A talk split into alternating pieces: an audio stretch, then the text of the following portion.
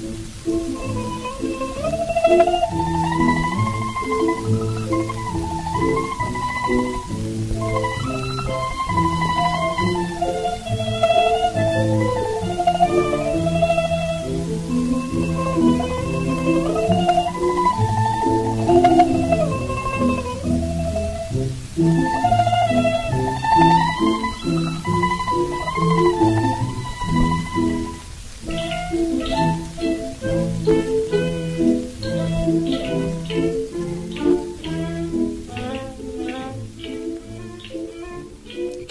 Hlustandi, lítu á myndina sem fylgir með þessum þætti eða þú ert ekki búin að gera það nú þegar. Eh, Ég er ekki að tala um kastalan sem er alltaf, eh, heldur myndin sem fylgir með þessum tiltekna þætti. Það er svona hlið sem stendur í sjó og er notað í einari öllu svona kynningarefnu um Japan, ja, svona flestum klísukjöndum kynningarbæklingum. Þá sérðu ofta á tíðum apa, liggjóðan í heitum hver, umkringtum snjó, geishu einhver staðar í Kyoto í gamla bænum, fólk að fara yfir gatnamót í Tokjó eða Shinkansen lest á hraðferð fram hjá Fuji fjalli, svona klísja. En að ástæðan fyrir klísjum er oft uh, ágætt, ég menna þetta er mjög fallegt hlið og mm, það er svona svolítið dramatíst hvernig það stendur upp úr hafinu. Þetta hlið er kallað Tori, öll svona hlið heita Tori og þú finnur þau við ingangin á öllum svona sint og hofum og þau marka þá uppafið á því svæði sem er talið heilagt. Og í þessu tilviki þá er þetta tiltekna Tori skamt frá borginni Hiroshima á eigu sem nefnist Miyajima og ég veit nokkið mörg hlið sem standa svona út í hafinu. Þetta hlið er úr kamfóru viðategund sem þólir vísna mikinn fúa en augljóslega þá hefur verið skiptum timpur í þessu hliði reglulega síðan það var reist á 12. öld en uh, þetta er já, ansið flott mannvirki þegar maður spáir í því þarna, það stendur þarna á stöplum í vatninu og lítur út eins og það fljóti á hafinu eða svífi yfir vatninu en ég get reyndar votta fyrir það það er ekki alltaf umlugið vatni og það er sennilega verið svolítið erfitt að fyrir fólk á tóltu held að smíða það ef svo væri. Já, ég hef komið ángað og gengið undir það og þá var fjara. En það er svo sem útúrdur. Ég get alveg mælt með því að fólk heimsæki þetta svæði. Miyajima er mjög falleg eiga og það er hægt að taka svona kláf, svona skíðaliftu upp fjallið og sjá útsýni yfir eigarnar þarna í innra hafi Japans. Hafinu sem er þarna á milli Shikoku, Kyushu og Honshu og var í rauninni svona hraðbraut heian tímans. Þarna fóru fram mest öll viðskipti innanlands og já, utanlands eins og ég ætti að koma inn á í þessum þætti. Og það kostar ekki nema 300 yen. Þá getið þið röldatnum og skoðað nósviðið sem var reist árið 1590 og já, lappað um í hofi sem er reist í fjörunni. Og alveg eins og hliðið sjálft þegar það er flóð þá stendur það upp úr vatninu á stultum. Svo það er svolítið magnað, þetta er svolítið eins og að vera inn í hofi sem er reist á bryggjum. En já, Miyajima er svolítið merkilegu staður. Lengi vel þá mátti almúgin ekki heimsækja þetta svæði. Það var talið of heilagt. Sjómenn þeim máttu sigla inn undir hliðið til þess að veiða í fjörunni.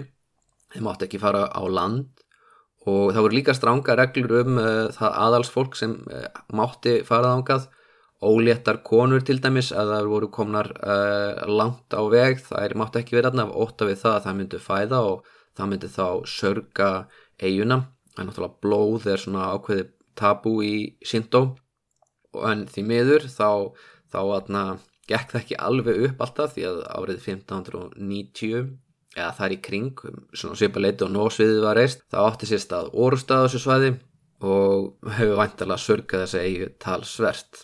En hvað um það?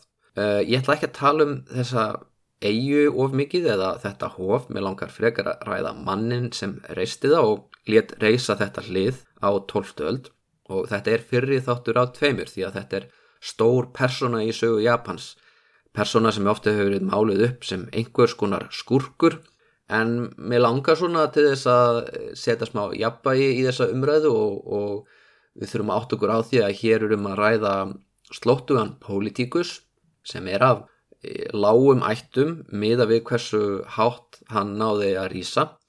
Má segja að enginn náði jafn hátt og að gegna jafn hári valdarstöðu við japansku hyrðina. Alveg þar til Toyotomi Hideyoshi kom fram á 16. öld en um, auðvitað skulum við ekki ímynda okkur að þetta sé einhver almúa maður, við erum að tala um samúræja.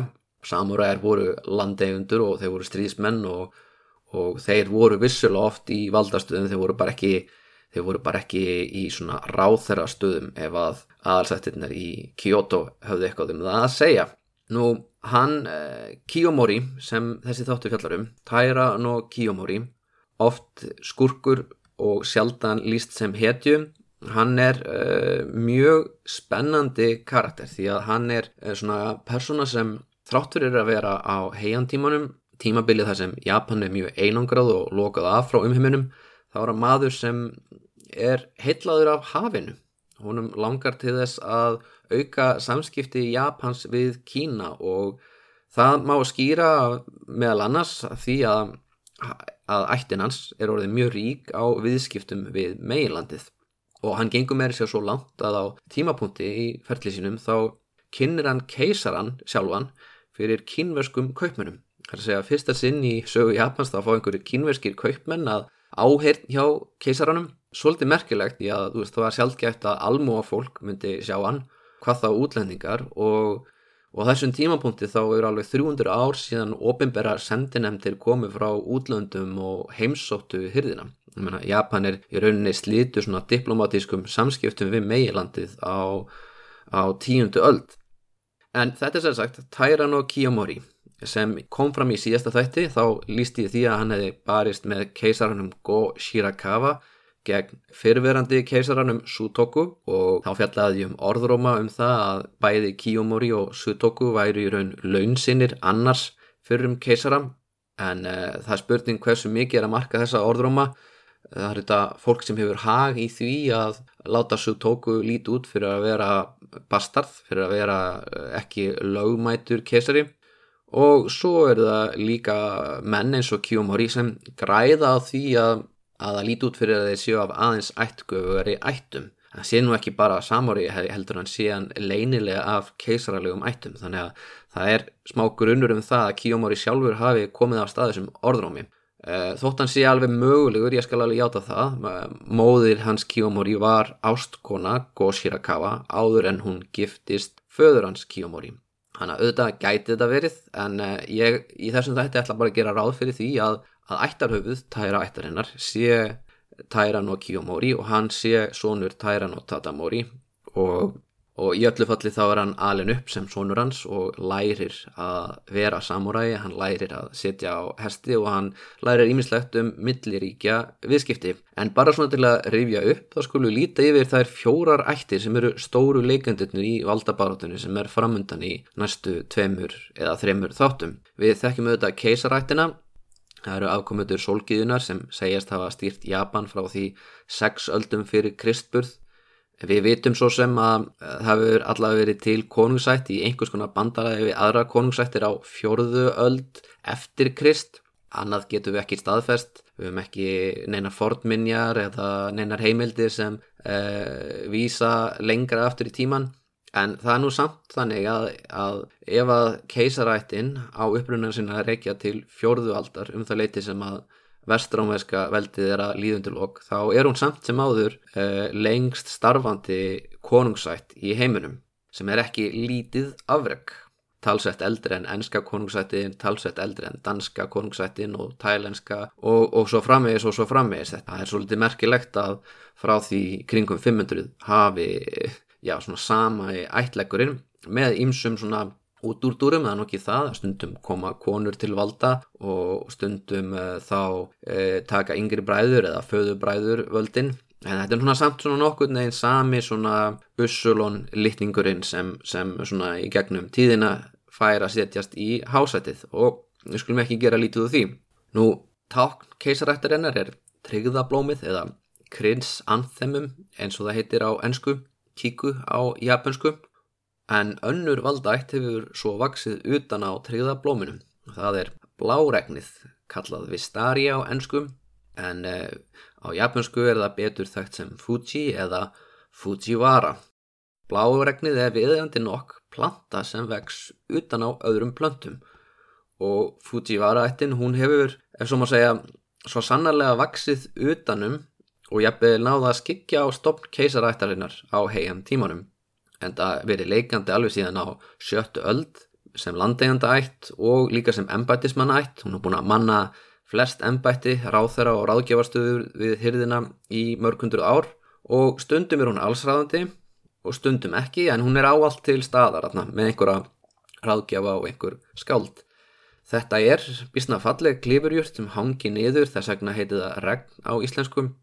Hún er blá og fjólublá með mörg blóm en harðger jurt einhverja síður, hún getur vaksið í mjög næringalítilli jörð.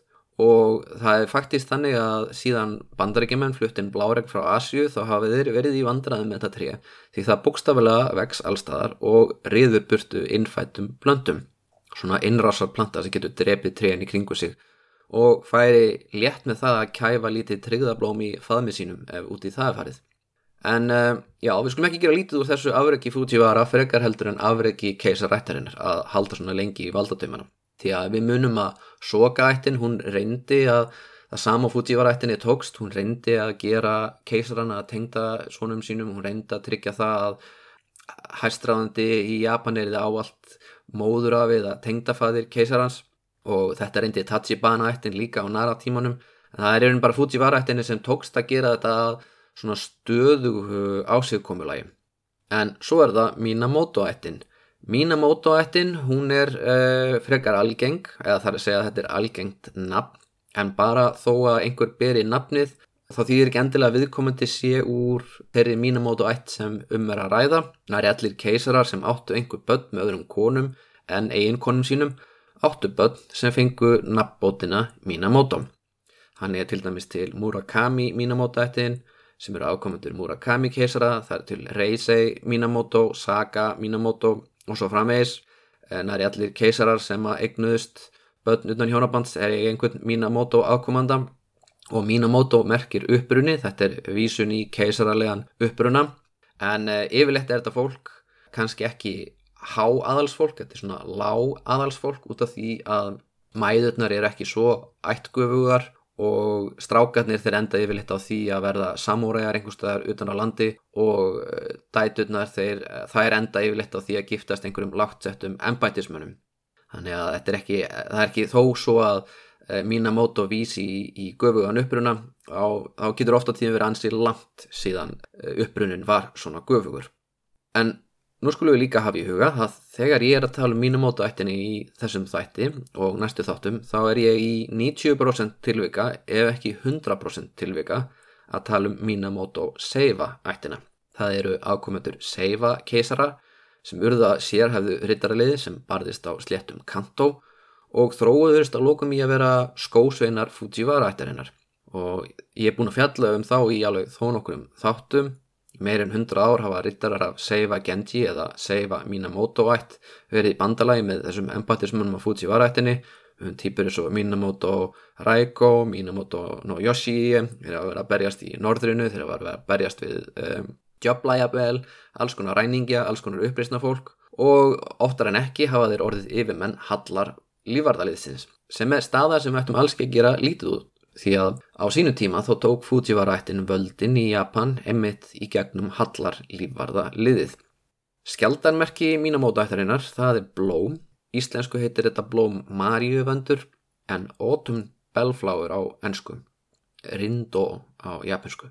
Þetta eru lítil og blá blóm, allavega bláþurðu blómstra á sumrin og þar sem Maríuvöndur vex á Íslandi þá get ég líst henni þokkulega vel að því að ég get lána texta af náttúrufræðistofnunar. Og hún lýsir þessu svona fremur lágaksinn planta 10-18 cm með tiltöla stórum fjólubláum blómum. Blöðin egglega til egglensulega oftast 2-3 cm á leng hárlaus heilrend krónan pípulaga dökk fjólublá þetta skrifar hann Hörður Kristinsson fyrir náttúrufræðistofnun Íslands og mér finnst alltaf skemmtilega tilvísun að svona lítið og nett blóm sé eh, skjaldamerki eh, mjög hættulegrar ættar. Mínamóta ættin er með aðna uh, langan lista af stór hættulegum ritturum sem atna, hafa, já, emitt uh, sigrað djöbla og tröllkalla en líka bara aðra rittara og, og stríðismunga og, og svo framvegs En að lókum þá er fjórða og síðasta þættin sem er svo litið í aðalhutverki í, í dag og, og í næsta þætti. Það er Tæra. Skjaldamerki Tæra er stórt svölu stjáls fyririldi. Sangant þjóðsugunni þegar Tæran og Masakato gerði uppreist gegn keisaranum þá fyltist öll höfuborgin af þannig fyririldum. En það breytti þó ekki því að uppreistin endist ekki nema 50 daga og blóðugt höfuð Masakato var borðin í borgina upp á spjótsotti. Þar hjekk það og orti ljóð áður en það flög svo aftur heimti sín í eldingastormi og þar var Masakato að guði. En já, hann, Masakato, hann er fjarskildur ættingi Tairano Kiyomori. Uh, Tairano Kiyomori er nú raunar ákomandi manna sem sigruðan í orustu, ekki ákomandi Masakato. En þeir eiga sameilan forföður, það er keisarin Kanmu. Og Kanmu, hann er einn af þessum stóru valdamiklu keisurum og hann er maðurinn sem stopnar höfuborgina Heian sem við þekkjum sem Kyoto í dag. Og hann hefur verið býstna hrifin af tákninu hei, kynvest tákn sem merkir fríður og jafnvægi af því að, tökum eftir því að börn hans kannmu sem ekki fá að tilera keisarættinni, þau eru ekki kvölduð Minamoto, heldur er nafn þeirra skrifað með táknunu hei en það er ekki borið fram hei heldur tæra og það getur verið svolítið rugglingslegt með japanskuna, stundum eru tákborin fram öðruvísi, það eru til undantekningar á öllum svona málfaraðareglum eins og við þekkjum. Og þegar við tölum um uh, tæra fjölskylduna á japansku þá segjum við hei ke út af því að ke er lestur á tákni fyrir fjölskyldu eða ætt. Þannig að hei pluss ke verður hei ke. En ef hei stendur eitt þá er það borið fram tæra. Og ég get nú eiginlega ekki sagt ykkur af hverju að því það veit engin af hverju fólk á miðöldum í Japan ákvaða að bera þetta svona fram og þetta getur bugga mann ef maður er nemi í japansku en það breytir ekki því að þetta er bara þannig og við þurfum að lifa við það. Já, ef ég hljóma pínlítið bitur yfir þessu þá er það út af því að ég hef oftar en ekki verið að rekast á algengt takk og ekki vita hvernig í ósköpunum ég á að lesa þau upp átt þó að svo að ég skilji merkinguna sem likur þar að baki. Nú, við skulum ekki spáa mikið í það. Eh, við skulum frekar pæli því hversu skemmtilegt og viðeigandi það er að Kanmu, keisari, maðurinn sem startar heian tímabilinu og býr til þess að tæra ætt núna undir lok heian tímans, þá er það Tæra no Kiyomori eða Hei no Kiyomori eins og væri raugrættast að lesa nafnið hans sem að á eftir að enda heian tímabilið og flytja höfuborgina burt úr heian. En við komum reyndar að því í næsta þætti. Ég, í þessum þætti ætla ég að lýsa fyrir ykkur hvernig hann næra rýsa til valda Hver er þessi Kiyomori í raun og verum? Sko afið hans kom til höfuborgarinnar á 11. öld, gekk í lífvarðalið fyrir um keisarans Shirakawa og þetta var á tímaponti þegar Fujiwara ættin réði enn Japan og aðal samurai ættin var þessi Minamoto ætt en hann eh, Tadamasa, afið hans Kiyomori, hann stóð sér vel, hann barði niður uppreysnir, hann sigraði sjóræningja meiri sig og sonur hans, Tadamori, Eh, hann náði að nýta sér tengsl föðu síns til þess að rýsa ennherra, hann fór úr því að vera bara stríðsmaður yfir í að vera látt settur ennbættismadur, hann fór yfir í að vera yfirmaður hestúsana sem er mikilvæg stað en kannski ekki alveg svona eh, mest glamurús staðan sem þú getur farið í. En einhvað síður, þetta er, við viljum ekki gera lítið því að reyka hestús, þetta er á tíma þegar hestar eru atna, bílarnir, skilur við. En, uh, já, en ég menna hvað því sögðu, þú ert uh, yfirmaður bílaflótans fyrir einhverja ríkistjón, það er heldur ekki jafn gott og að vera ráð þeirra. Í öllu falli, Tata Mori, hann er svolítið snjall út því að hann breytir svona þjónustunni sem að faðina sem með, sem snýst um það að ráðast á sjóræningja og hyrða af þeim gós og bæla niður uppreysnir sem eiga sér stað á einhverjum eigum.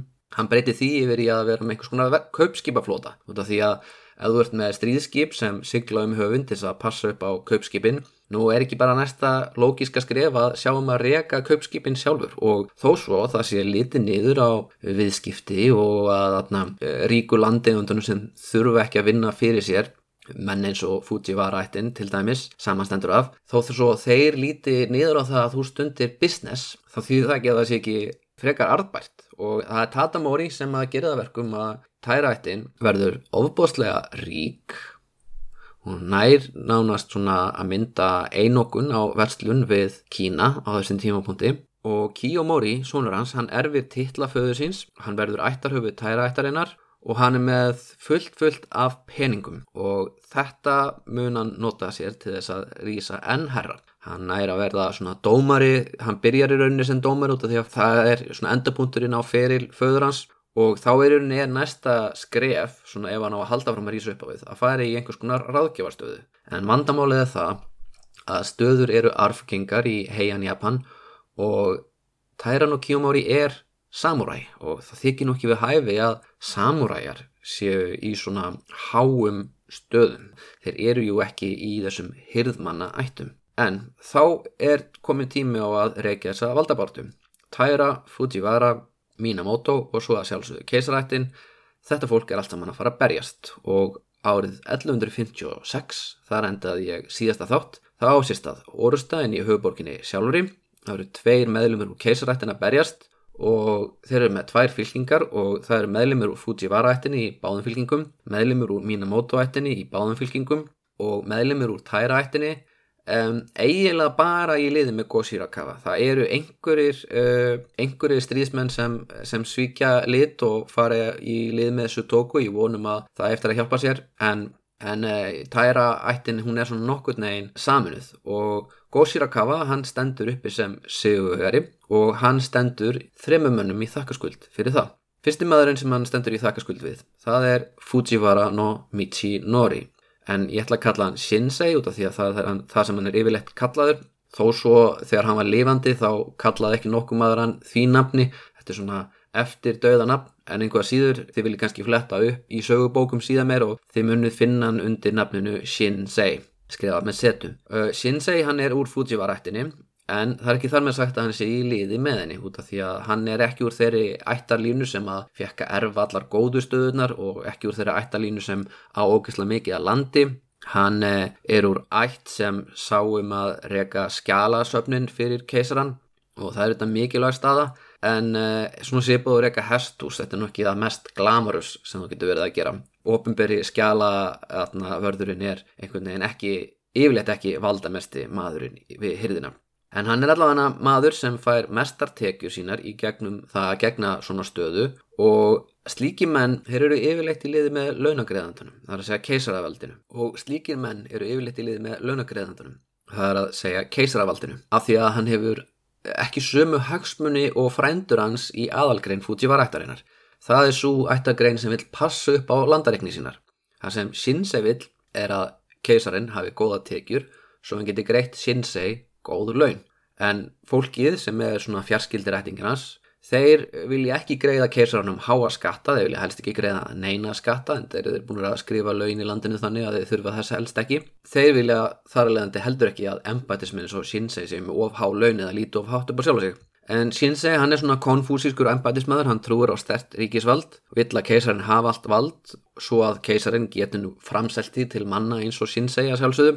En uh, hann vil meina að pennin sé mátturi en sverðið og Go Shirakawa hann virðist taka Shinsei á orðunum og felur Shinsei að mynda ríkistjórn í sínu nafni eftir stríðið. Sem, uh, já, við skulum sjá hvernig því honum reyðir af þar. Um, við skulum sjá hvort að pennin sé virkilega mátturi en sverðið, en svo En fyrst skulum við ræða hína tvo mennina sem komu og Shirakawa í hásætið.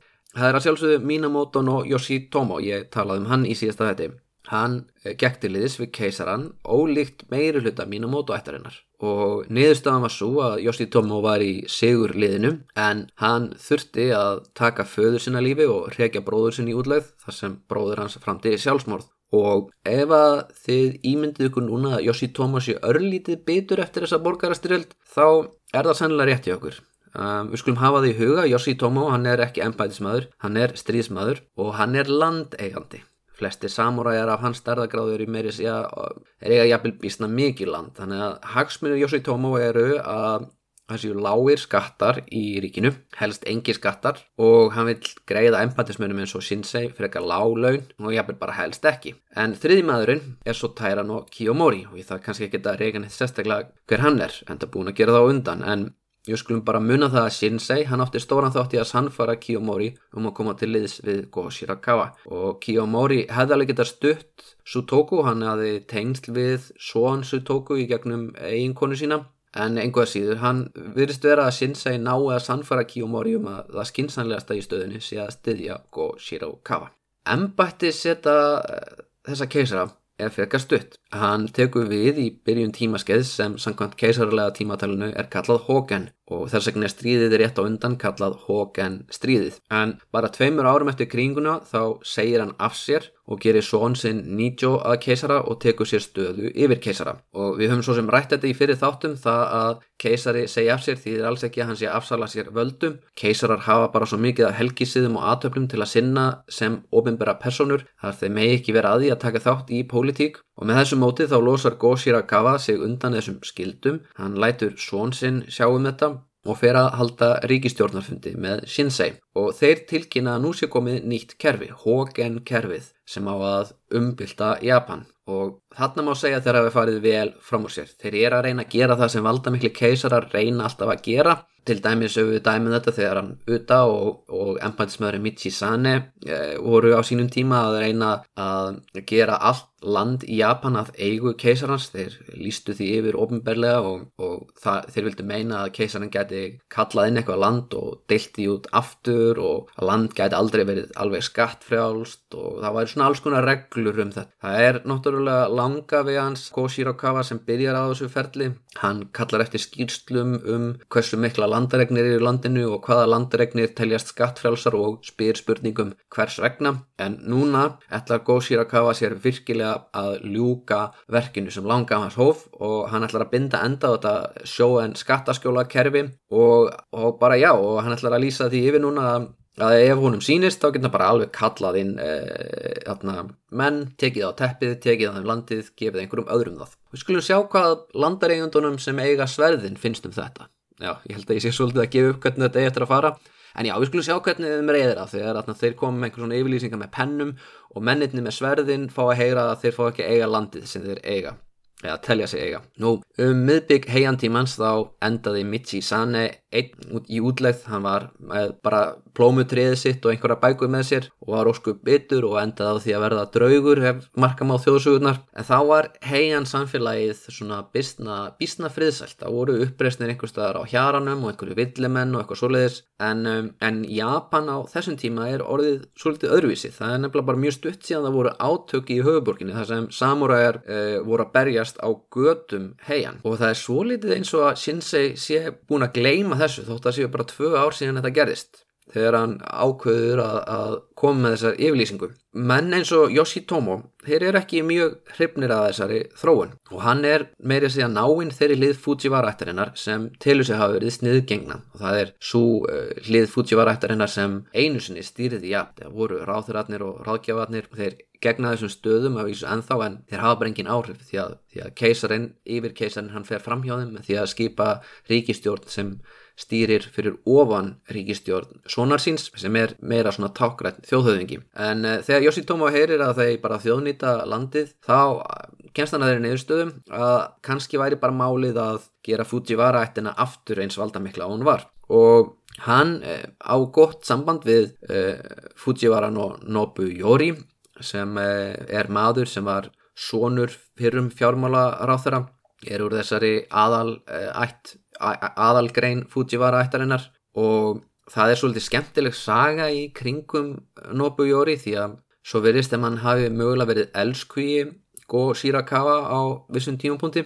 Hann var svona einhvers konar uh, sveitn í þjónustu hans á tímapunkti og uh, samkvæmt einhverjum heimildum uh, svona sem eru nánast samtíma heimildir þá áttuður í kynferðislegu sambandi sem er ekkert óvinnulegt fyrir þennan tíma. Það til dæmis eitthvað um það í Genji Monogatari þá flakkar aðalpersonan auðvitað frá því að eigi sambandi með ástkonu sinni verið að eiga ástriðu fulla nótt með bróður hennar og það er ekkert eitthvað tiltökum mál eitthvað, ekki eitthvað sem að höfundi bókar finnst hún þurfa að skýra sérstaklega allavega hennar.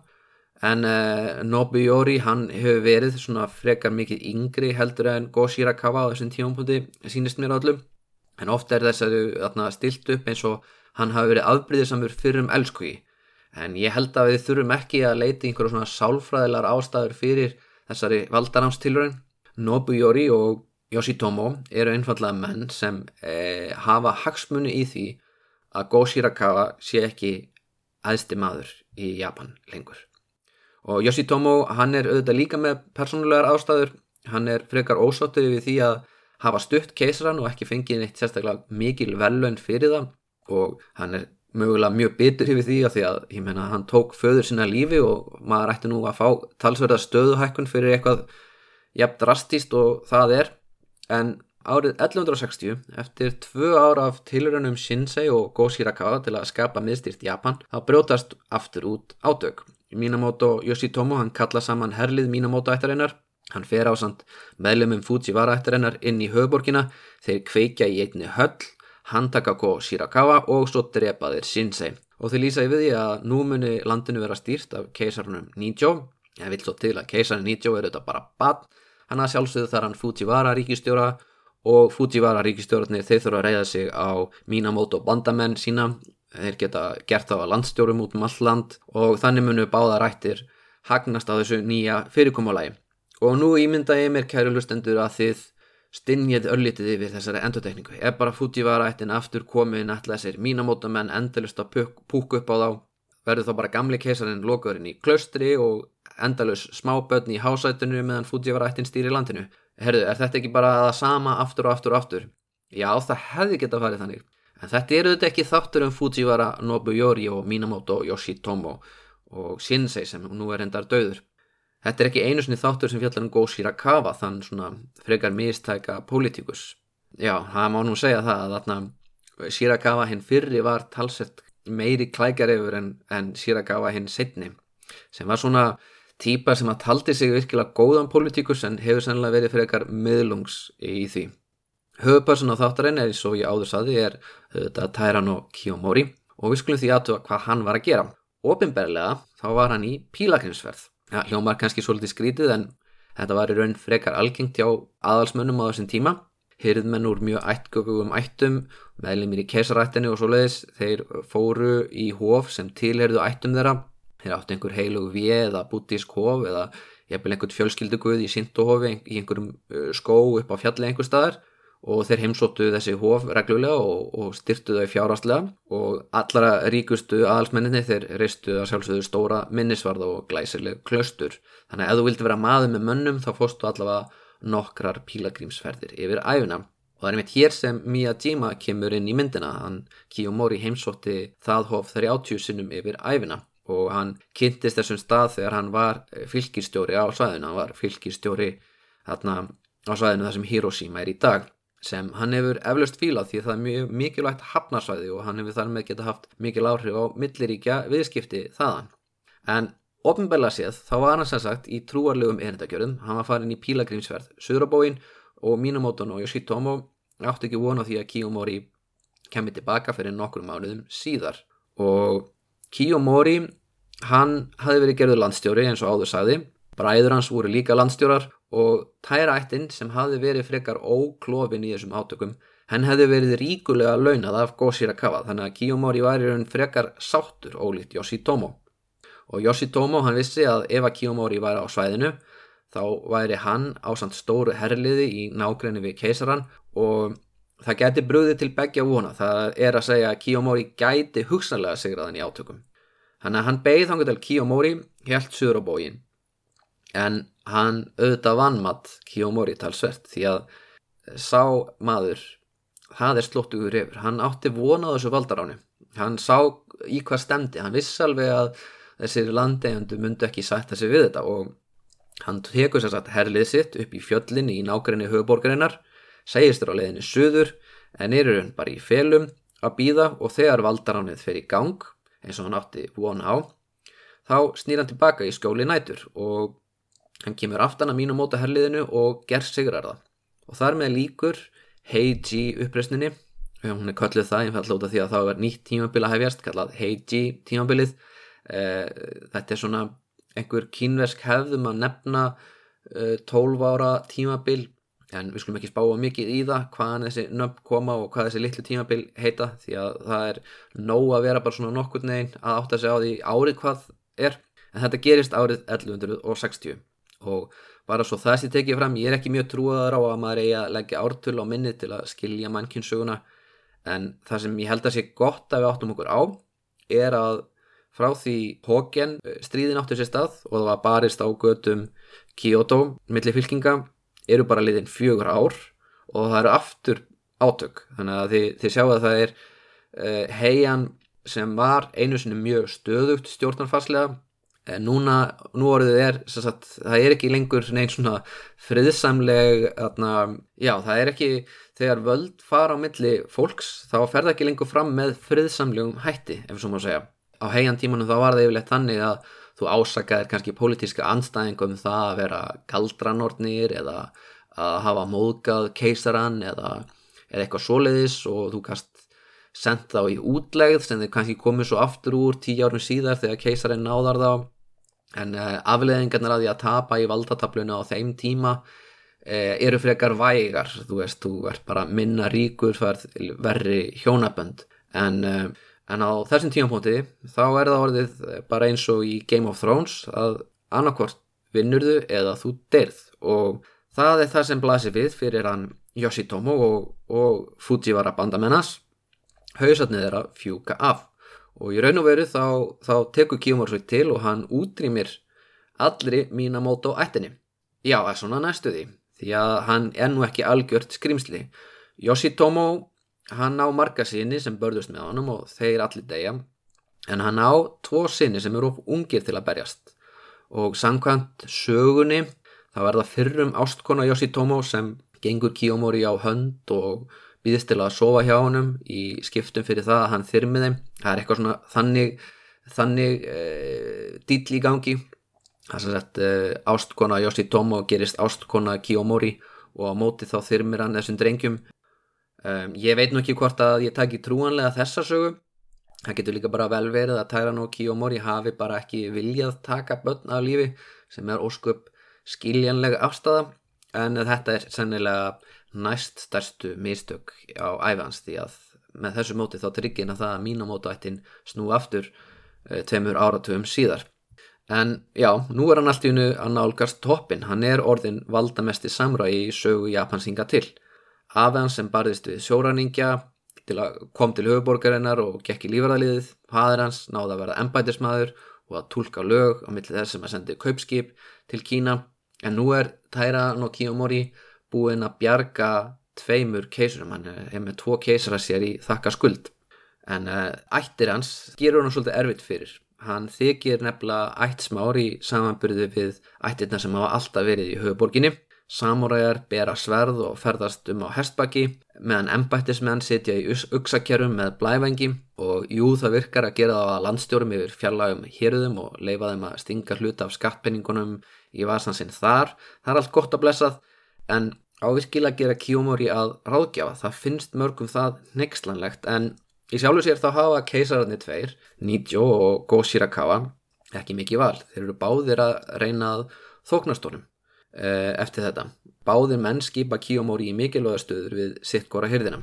Það eru þess að tvær hyrðir, Goshi Rakawa, fadurinn er með sína hyrð og svo er sonur hans Nijo sem nú er orðin úlingur með aðra hyrð og Kiyomori hann verður Tjunagon eða milliráðgjafi við hyrð Nijo sem er ekki alveg ráð þeirra staðan en það er samt bísna nálatti og herra en nokkur samurægi hafði nokkur tíma hann komist áður og Go Shirakawa hann gerir hann að Beto sem er eina af efstu stuðunum við hýrð fyrir um keisara. Einn kona Kiyomori, hún Tokiko, hún fekk svo hlutverk Bartfósturu við hýrð Nijo sem hljóma nú kannski ekki mjög virðulega en uh, við skulum bara hafa það í huga að með því fær hún aðgang að börnum keisarans og er þá hugsanlega ala upp næsta keisara.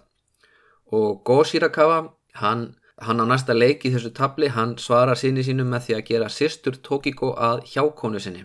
Þar með eru hann og Kiyomori orðnir svilar og eiginkona Kiyomori sér orðin mákona fyrrum keisara og hugsanlega uppalandi næsta keisara. En uh, það líða nokkur ár og endanum þá hallast Kiyomori nær Nijo. Hann stiður Nijo þegar Nijo leysir upp hyrð og ríkistjórn föðu síns. Kiyomori sendir herlið og Go Shirakawa er settur í stofufangelsi En ástæða þess að, Nijó eh, fer svona langt er svo að fadur hans er búin eignast svon með nýju hjákonunni sinni og hann hugðist gera þann svon að keisara. Og nú spyr maður sér svolítið af hverju vill Kiyomori ekki gera sýstur svon eiginkonu sinnar að næsta keisara. Ég held að máli sé að hann er áallt mjög varkár. Hann er, svolítið að passa sér á því að hafa báðar fylkingar góðar ef svo má segja. Hann stiður gamla keisarna fjáraslega og aðstóðar hann við að reysa nýju hóf til að halda honum góðum. Meðan þá er Nijó þetta hunsar föður sinn, hann hafnar öllum bóðum um að heimsækjan og, og þeir talast ekki við en, en Kiyomori gengur á millið þeirra begja og er á í viðræðum við báða. Og í raun og veru sama hver, hvor þeirra vinnur þá er Kiyomori eiginlega garanterað alltaf í sigurliðinu en í söguritum síðar alltaf þá er Nijó yfirleitt líst sem góðum keisar og Goshiro Kjawa sem hálgjörðum trúð. En það er ekki allir sammála um þá tólkun sumum sagnaritum finnst Nijó lélugur sonur, hann er það auðvitað í konfúsískum skilningi, hann heimsækir ekki föðu sinn og geymir hann í stofufangelsi. En Nijó fær eiginlega alltaf blúsi klattan hjá svona sagnariturum fyrir það að vera ungur keisari sem næra stýra landinu á þess að segja af sér og er þannig bæði ofinberð þjóðhauðingi og raunverulegur þjóðhauðingi og það er ekki hægt að segja það um alla keisara í sögu Japans. En uh, maður spyr sér hvað hefði orðið úr honum ef hann hefði ekki bara dáið 22 ára aldrei árið 1165 hann var fljótur að gera svon sinna keisara. Hann eh, gerir Rokujo að keisara á meðan hann er enþá á lífi og þar með verður Rokujo eh, yngsti keisari eða með þeim yngri í sögu Japans hann bara 8 mánuða gammal þegar hann fyrir í hásætið. Já hann er svona rétt svo farin að halda á haus og, og, og setja betni í baki. Er spurning hvort að keisarinn hafi verið farin að skrýða á þessum tímapunkti, maður veit það ekki. En allan ekki mikið að, já, hann er allan ekki komið með málþróska myndi ég segja til þess að stýra landinu. Og það hefur verið frekar skraudleg aðtömm ímyndaði mér. Og það eru dæmum það að fara á þessum tíma eða svona á heian tímanum um það að þurfa að stoppa kríningaratöfni í miður kafi út af því að keisarinn fer að gráta eða er orðin þyrstur eða pissar á sig sko. Þannig að já, þetta er alveg, er alveg vandamál já, uppeldi keisara. En uh, sem sagt, hann uh, Nijó, hann deyr í einhverju pláu sem gengur yfir og þar með deyja margi meðlumir úr ríkistjóðnans og ímsið ráðgjafar og þetta gerir Kiyomori að valdamesta manni Japans. Þetta opnar svona nýjar dyr fyrir hann að því að nú er Kiyomori einn af eftirlifandi embætismönnum, hann er líka yfirmaður varaliðsins á svæðinu og hann er með 8 mánuða gamlan prins, 8 mánuða gamlan keisara í hendi sér og Tveimur árun síðar þá fyrir Kiyomori úr því að vera milliráðgjafi yfir í að fá titil sem lýsir mun betur þeim raunverulegu völdum sem hann hefur. Hann fær titilinn Daijo Daijin. Ég minnst á þetta ennbætti nokkru sinnum áður í stjórnkerfi heiantímans. Það voru til mörg ráðunetti og þau heyra ímist undir ráþæra vinstrisins eða ráþæra hægrisins. Þetta er svona hugmynd sem gengur út á það að skapa jafnvægi í stjórnkerfinu millir fylkinga og, og svona já, búa til ráðhæra hægri sinns og ráðhæra vinstri sinns þeir eru svona næstuði jafnir en ef að keisari taldi sig geta treyst einhverjum alfarið eða aðal ráðgjafi keisarnas taldi sig geta treyst einhverjum alfarið þá skipaði hann einhvern í stöðu Daijo Daijin. Og fyrsti maðurinn til að vera í þeirri stöðu var uh, krónprins sem að keisarin Tenji uh, gerði að Daijo Daijin uh, í vonum að það myndi þjálfa hann í það að vera keisari. Það er að segja Þetta er svona forsætis ráð þeirra staða, þú ert yfirmaður e, ríkistjórnar, þú stýrir bæði hægri og vinstri helmingum ráðunitana. Já, þú stýrir bæði hægri ráðunitunum og vinstri ráðunitunum og þú ert yfirmaður bæði hægri ráðherrans og vinstri ráðherrans. En, en eh, auðvitað er þetta í sjálfu sér bara tákgrænt því að Kiyomori er nú þegar komin með þessu völd þegar hann lætur skipa sig Daijo og Daijin sem mætti nánast því að bókstæla sem aðalmaðurinn á svæðinu en að hann gegnir því ennbætti bara í þrjá mánuði og segir svo af sér sem eins og við vitum öll þá þýðir það ekki neitt endilega að menn segi af sér í Japan á þessum tíma hann skipar svon sinn í þessi ennbætti í staðin sem er mjög lýsandi. Þá ertu rauninu komið með svona, já þú ert að komið með svoniðinn og svo ert þú svona yfir sinniðinum það er góð leið til þess að hafa völd en raun hafa ekki ábyrðina sem fylgir völdunum.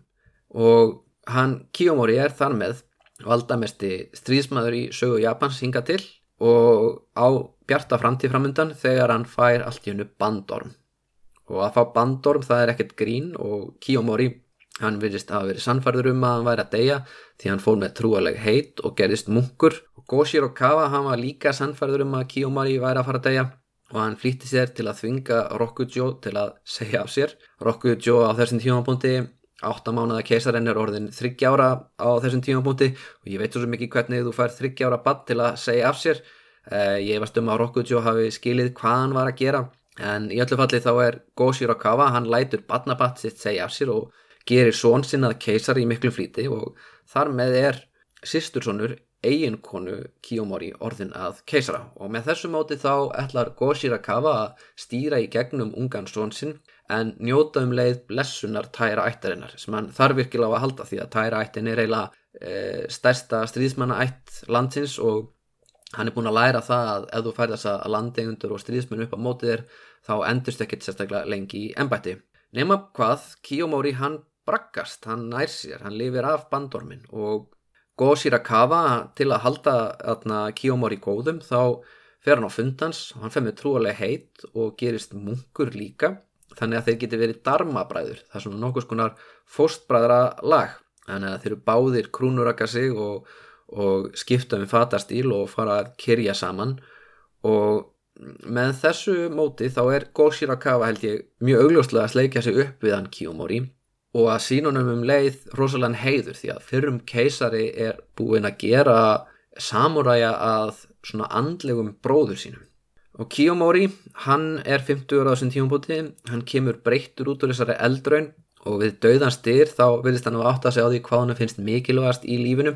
Honum langar til þess að nota völd sín til þess að breyta Japan á einhvern hátt. Uh, hann vill ekki völd, uh, valdana vegna, hún langar að breyta Japan einhvern veginn. Eh, skiljanlega tilfinning. En hann fer í það að reysa í framhaldinu þessu stór hof og výja eh, ákveðin svæði og hann fer að byggja upp Hafnarborg eh, sem nefnist Fukuhara á svæði þar sem í dag er Hafnarborgin Kobe og hann ætlar að skilja eftir sig einhverja stóra arfleið og þessi tilurinn hans þess að skapa sér einhvers konar arfleið Eh, hún áttur að, að komast að miklu umbróta tímabili í sögu Japans en við skulum ekki alveg fara að þonga strax. Við eigum það inni. Þetta er síðasti þáttur heian tímans og í næsta þetti þá fyrir við í nýtt tímabil. En þessi stað skulum við fara þonga sem þátturinn byrjaði, við skulum fara niður að sjónum þar sem öldurnar lepja bakka Miyajima og þar fer munkurinn Kiyomori fyrir um fórsættisáðra reysir guðunum til dýrðar eh, stort hlýð og mikið hof og að þakka þeim fyrir að hafa bjargað lífið sínu. Og með honum í för er Hoshirakawa, fjórum keisari og þeir lesa upp uh, sútrur ég lesa Lotus sútruna og Kiyomori skilur þar eftir mjög glæsilegt handrit uh, sem hann handskrifar að hluta til og, og meðlumir úr tæra ættinni handskrifa það er gilt og silfrað og með alls konar perlum alveg þýlik gersemi og Það eru haldnar miklar hátíðir og helgi aðtafnir niður yfir ströndina þar sem Miyajima er svona gert að, að stóru og veglugu hofi og nýtur blessunar tæra og keisara ættir hennar um leið. Það sem er svolítið sérstakt við þetta er ekki það að valdamesti maður í Japan fari og búi til hof sem er einhvern veginn tileikað ættans. Það gerðu eiginlega allir. Eh, það sem er sérstakt er það að hann gerði það niður við hafið. Því að flest önnur hof voru nálægt einhverjum heilugum fjöllum eða nálægt einhverjum skógi en fókusin hans Kiyomori er alltaf uh, út á við. Hann atna, er jú maður sem að, að atna, síðan er kynir keisara fyrir hópi af kínverskum kaupmönnum sem er allir miklu nexli en, en þú veist, höfum uh, bara í huga það að almúamenn máttu nú alla fara á fund keisarans eða sjá hann sko og, og, og það að einhver samúrægi ákveði bara að bjóða kaupmönnum frá Kína, frá útlöndum á fund keisarans er í rauninni alveg ótrúlegt fyrir land sem fram til þessa hefur verið lokað frá ummiminum í 300 ár auðvitað átt einhver svona viðskipti en þau hefur ekki farið fram í gegnum svona hátsetta embætismenn hinga til. Uh, ég ætla aðeins að tala um hófið sjálft, það er ekki stopnaða Kiyomori upprunnilega, það er mögulega frá tímum Shiko keisarinju sem var keisarinju á sjöttu öld. En það er þó ekki alveg vita fyrir víst. En við þetta hof voru þrjár sjávargiðjur tilbennar sem hafa komið við sögu í þessum þáttum áður þó svo ég hef ekki nefnt þar á nafn. Þetta eru dætur Susanó, stormguðisins og þær verða til í svona góðsögu þar sem stormguðin og solgiðan er að keppa um hvort þeirra sé máttugra og Susanó hann býr til þrjár konur og Amaterasu býr til fimm karlkins guði. Og það sem er svolítið merkilegt þess að frásögna það að Susanó er talin hafa verið seguvegarinn í þessari keppni þláttur að hann hafi búið bara til þrjár konur og og Amaterasu búið til fimm karla en það kannski sýnir að Japanir á þessum tíma áður en heian tímabilið herst og áður en kynversk menningar áhrif eins og konfúsjanismi og annað uh, setja konur einhvern veginn í læri stöði í samfélaginu það hafi svona innlenda trúin gengið út á það að konur var einhvern nátt heilæri, einhvern veginn nánari guðunum. Og atna, það sem er kannski svolítið líkilatrið í þessari sögu er það að hún er skrásett á tímum þegar Japan er með keisarainnju og keisarainnjan kannski vildi geta lesið sögu og vildi aðri læsu sögu þar sem að, þar sem að atna, giðjur eru upphafnar. Og síðar afbreyðar þessari sögu þá hefur segurinn verið sá sem skapar atna, fimm kallkynskuði en, en, en það er er breyting á upprannulegu sögunni. Bara höfum það í huga. En e, Kiyomori hans er sagt tilbyður þessar þrjárkiðjur og hann verðist líta svo á að það séu byrtingamind á kanon kanon er einn mikilvægasti bodhisattva í bútismannum það er svona bodhisattva er svona vera sem að endurfæðist reglulega og hjálpar öðrum í kringu sig að, að öðlast uppljómun og kanon er japanskun á Avaloki Desvara sem byrtist í 2005. kapla Lotus sútrunar og er þar líst sem máttuasta bútíska guðinum og það er yfirleitt mjög auðvelt að þekka kannon á stittum því að þetta er bodhisattva sem er oftast síndur sem giðja. Hún ásir endar 33 byrtingamindir sem eru bæði kalkins og kvenkins en það er þetta kvenlega element sem, sem mér langar svolítið að undistrykka í þessari frásögna því að af því að þarna, kannon er yfirlegt mjög kvenlugur á stittum og það er þess vegna sem að Kiyomori getur séð þessa giðjur sem byrtingamind á kannon en í öllu falli hann er Shintohof sem er uh, varveitir Lotus Sutru og Lotus Sutran er lesin og nú getur sem ykkar spurt en snæpjum af hverju er Lotus Sutran og bútískur guð allt innu komin inn í Shintohof og það er góð spurning sem ég er búin að svara í einhvern fyrir þáttum. Þið munið að sko Shinto og buddhismi og aðskilnaðu þeirra er 19. aldar fyrirbæri. Það er þegar þjóðutinsíkja í Japan var til þess að ríkistóttin aðskildi Shinto bjóti líka sér Shinto ráðunetti sem átt að heyrundi keisaran og meiri sé að fóra svona hálfpartinu ofsækja buddhismanna því að buddhismin var full kínverskur og erlendur hann er augljóslega frá Indlandi upprjónulega Eh, nú er sátími auðvitað liðin og, og buddhism og shinto eru svona saman í landinu í ákveðinu jafnvægi og meirliti Japana til er báðum trúarbröðum, shinto og buddhisma en fyrir Kiyomori á miðalda Japana þá hefði verið alveg fárálegt að líta á þetta sem tvö aðskilin trúarbröð augljóslega þá eru þessir guðir allir saman til bæði bútískir guðir og shinto guðir og shinto guðir eru ofta á tíðum byrtingamind bútískra guða og öfugt. Og fyrir vonum eru dætur stormguðsins einfallega byrtingamindir á kannon og hann var ekkert mikið að spá í það að kannon var í upprunlega indverski guðin af á Loki Tesvara og að sjávargiðunar þrjár hefði verið tilbyrnar í Japan löngu áður en bútismin kom. Fyrir honum er það algjört aukatriði.